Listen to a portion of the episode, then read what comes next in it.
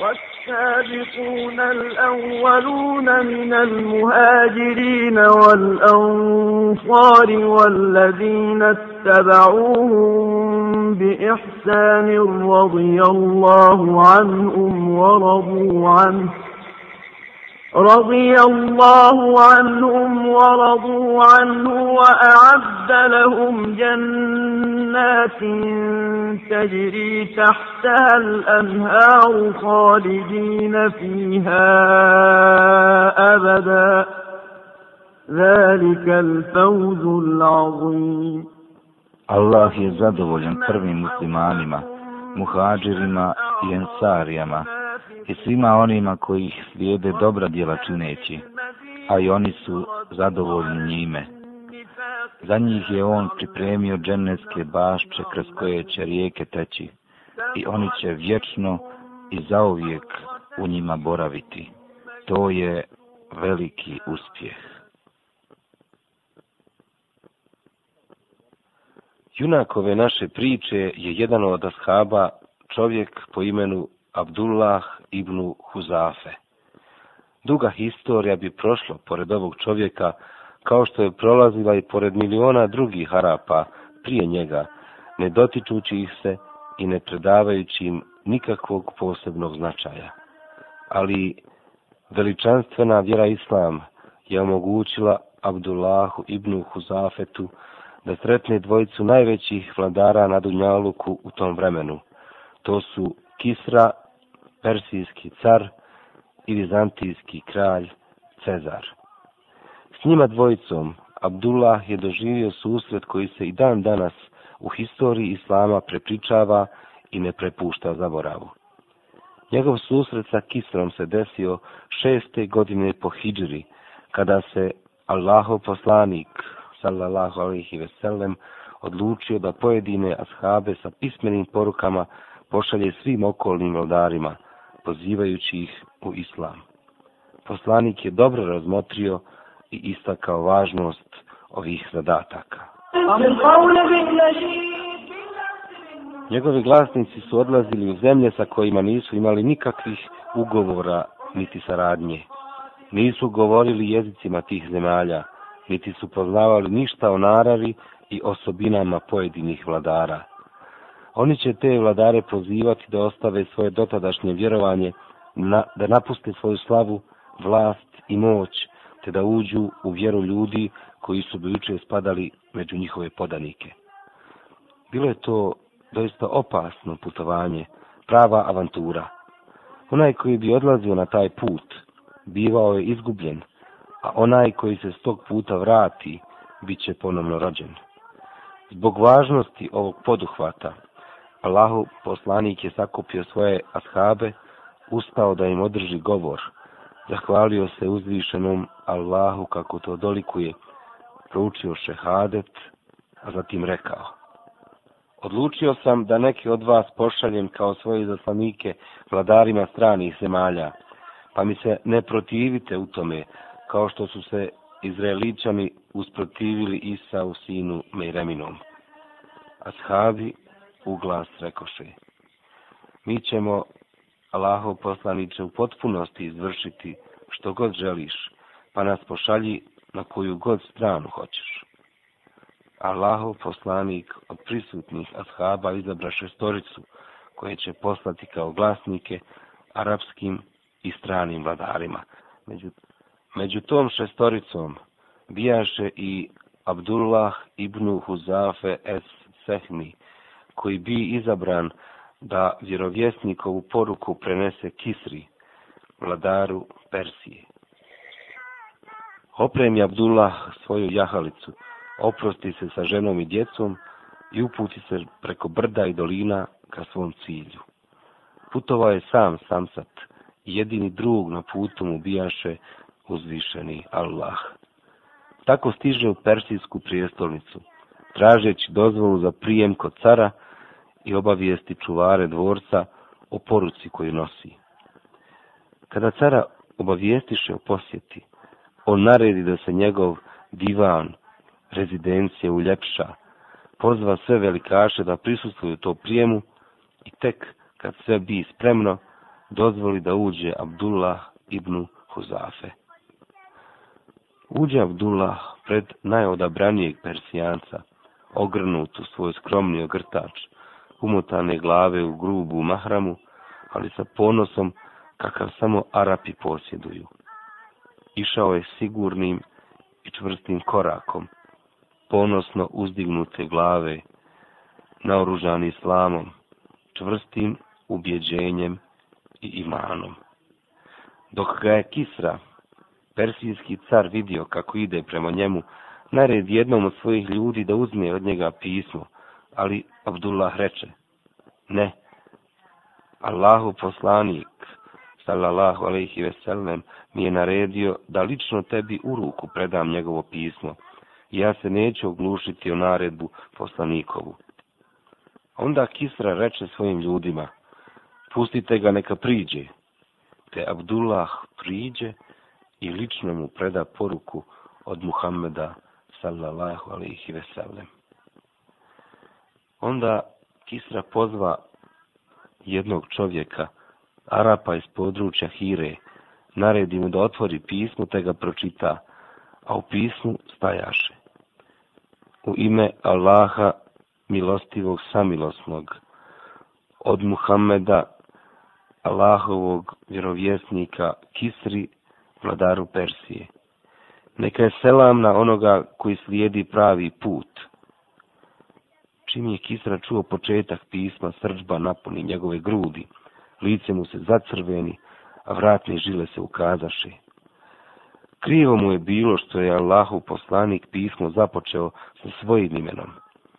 Istrgnu pismo uz ruku svog pisara i iscijepa ga u najsitnije komadiće, ne saznavši šta se u njemu nalazi. Istovremeno, Kisra povika. Ovako da meni piše pismo, a on je moj rob, onda naredi da se Abdullah istira iz njegovog divana, što odmah bi i učinjeno. Abdullah izađe iz Kisrinog dvorca, ne znajući šta je Allah odredio da se s njim desi.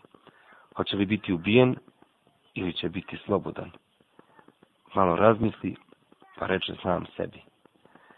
Tako mi Allaha ne zanima me što će biti sa mnom nakon što sam izvršio naredbu Allahovog poslanika. Onda uzjaha svoju jahalicu. Dvojica glasnika se odmah zaputiše prema Medini, a kada dođoše u Tajf, sretoše neke trgovce iz plemena Kurejš. Upitaše ih za Muhammeda, a oni im rekoše da je on u Jesribu, Medini. Ovi trgovci se zapudiše u Meku radosni zbog susreta sa glasnicima persijskog namjesnika. Počeše čestitati Kurejšijama uzvikujući. Radujte se i budite sretni, jer se moćni Kisra okomio na Muhammeda i on će da vas riješi njegova zla. Što se tiče dvojice glasnika, oni produžiše put prema Medini, pa kada stigoše, odmah se sastaše sa Allahovim poslanikom Muhammedom, predaše mu pismo i rekoše mu. Vladar svih vladara, Kisra, poručio je našem vladaru Bazanu da pošalje nekog ko će te dovesti njemu. Eto, mi smo došli po tebe pa da ideš s nama. I ako dobrovoljno kreneš, mi ćemo Kisri preporučiti da bude blag prema tebi. A ako odbiješ, znaj da je on taj koji je toliko moćan i silan da će lahko uništiti i tebe i tvoj narod. Allahu poslanik se blago osmijehnu, te im reče. Vratite se u svoje konačište, pa mi dođite sutra. Kada sutradan rano dođuše ponovo Allahovom poslaniku, upitaše ga. Jesi li se pripremio da ideš s nama kod perzijskog vladara Kisre? On im odgovori. Vi više nikada nećete vidjeti Kisru. Ubio ga je Allah tako što je protiv njega ustao sin mu, Širevejh, tog istog mjeseca, u toj i toj noći i ubivši ga preoteo mu vlast. Klasnici su začuđeno slušali šta im govori Muhammed sallallahu alaihi ve sellem, a onda rekoše, znaš li ti šta govoriš? Hoćeš li da o tome obavijestimo našeg vladara Bazana? Da, reče im Allahu poslanik. Još mu recite da će moja vjera doprijeti sve dotle dok je dopirala kisina vlast. Pa ako vaš vladar primi islam, daću mu da i dalje vlada istim područjem i bude vođa u svom narodu. I krenuše dvojica glasnika od Allahovog poslanika, sallallahu alaihi veselem, stigoše svom vladaru, bazanu Jemen, obavijestiše ga o svemu, a on im reče. Ako bude ovako kako je rekao Muhammed, misleći na ubijstvo Kisre, onda je on stvarno Allahu poslanik. Ako ne bude, onda ćemo vidjeti šta da uradimo s njim. Nije mnogo vremena prošlo, a Bazanu stiže poruka od Šire Vejha u kojoj kaže Obavještavam te da sam ubio Kisru, a ubio sam ga kako bi osvetio naš narod, jer je on dozvolio da se ubijaju naši uglednici, da se zarobljavaju njihove žene, a otimaju njihovi meci. I kada ti dođe ovo moje pismo, iskaži mi pokornost i ti i tvoji podanici. Čim Bazan pročita Šiđvejhovo pismo i uvjerivši se da je Muhammed govorio istinu, baci pismo i obznani svoj prelazak na islam. Odmah za njim islam prihvatiše i svi persijanci koji su živjeli u području Jemena. Ovo je priča o susretu Abdullaha ibn Huzafe sa Kisrom, perzijskim vladarom. Sada ćemo da čujemo priču o njegovom susretu sa Cezarom, bizantijskim carem.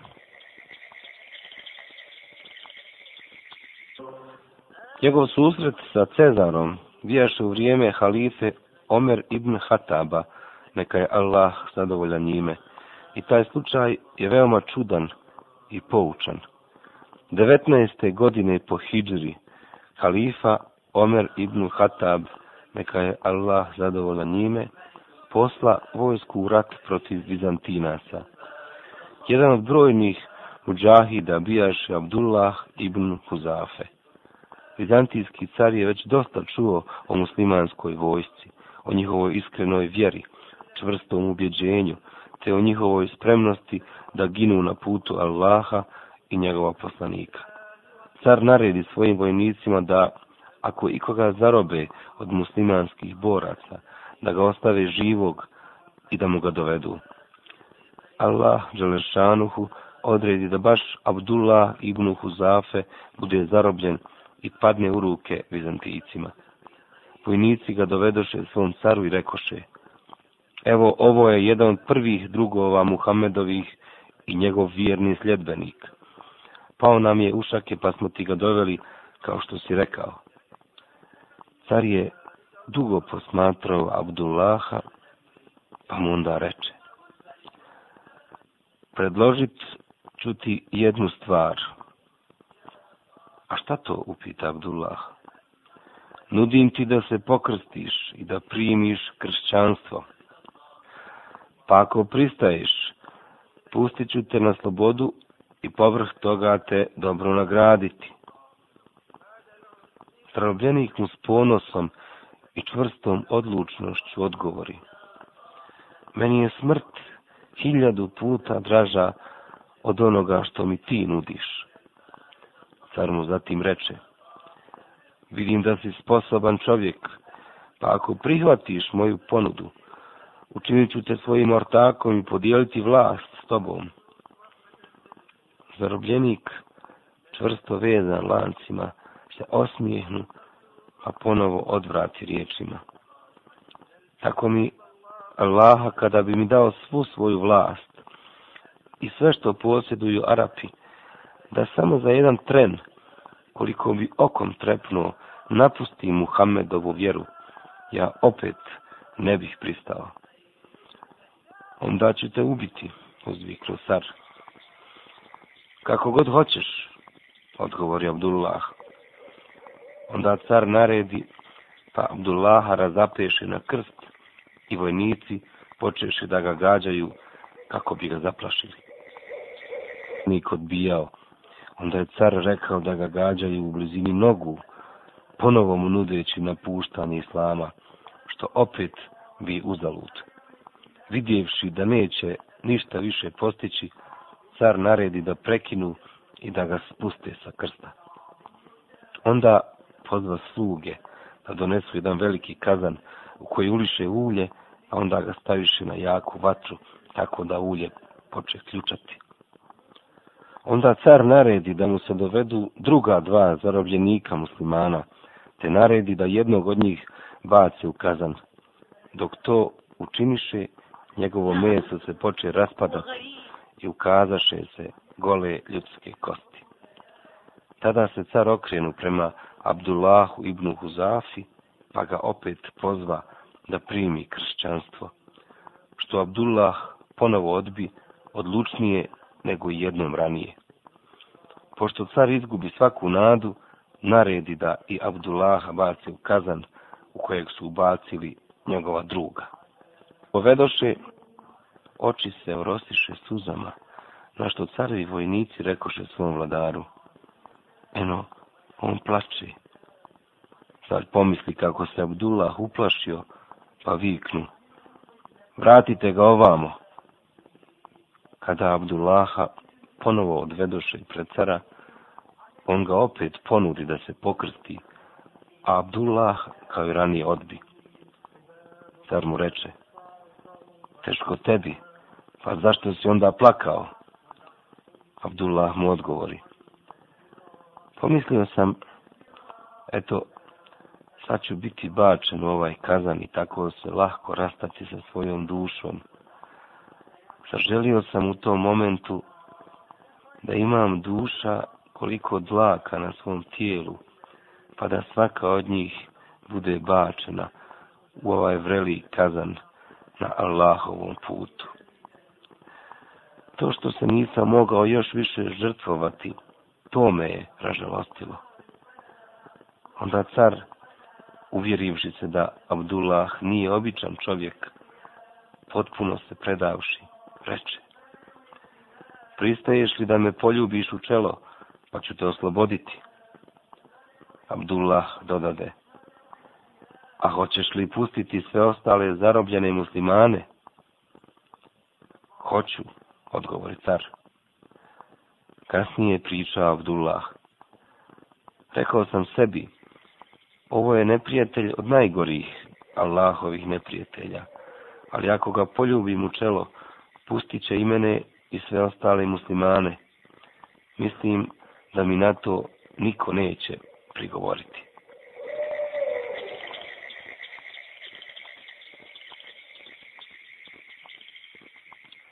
Onda Abdullah priđe i poljubi carevu glavu, a on naredi, a dovedoše sve ostale zarobljene muslimane, te ih predade Abdullahu i tako ih sviju oslobodi. Kada je Abdullah ibn Huzafe stigao do halife Omera ibn Hataba, neka je Allah zadovoljan njime, ispriča mu šta mu se dogodilo. Halifa se veoma obradovao povratku zarobljenih muslimana i gledajući u njih reče Dužnost svakog muslimana je da poljubi čelo Abdullaha ibn Huzafe. Ja prvi to činim. Onda ustade i poljubi Abdullaha u čelo. Neka je Allah zadovoljan njime.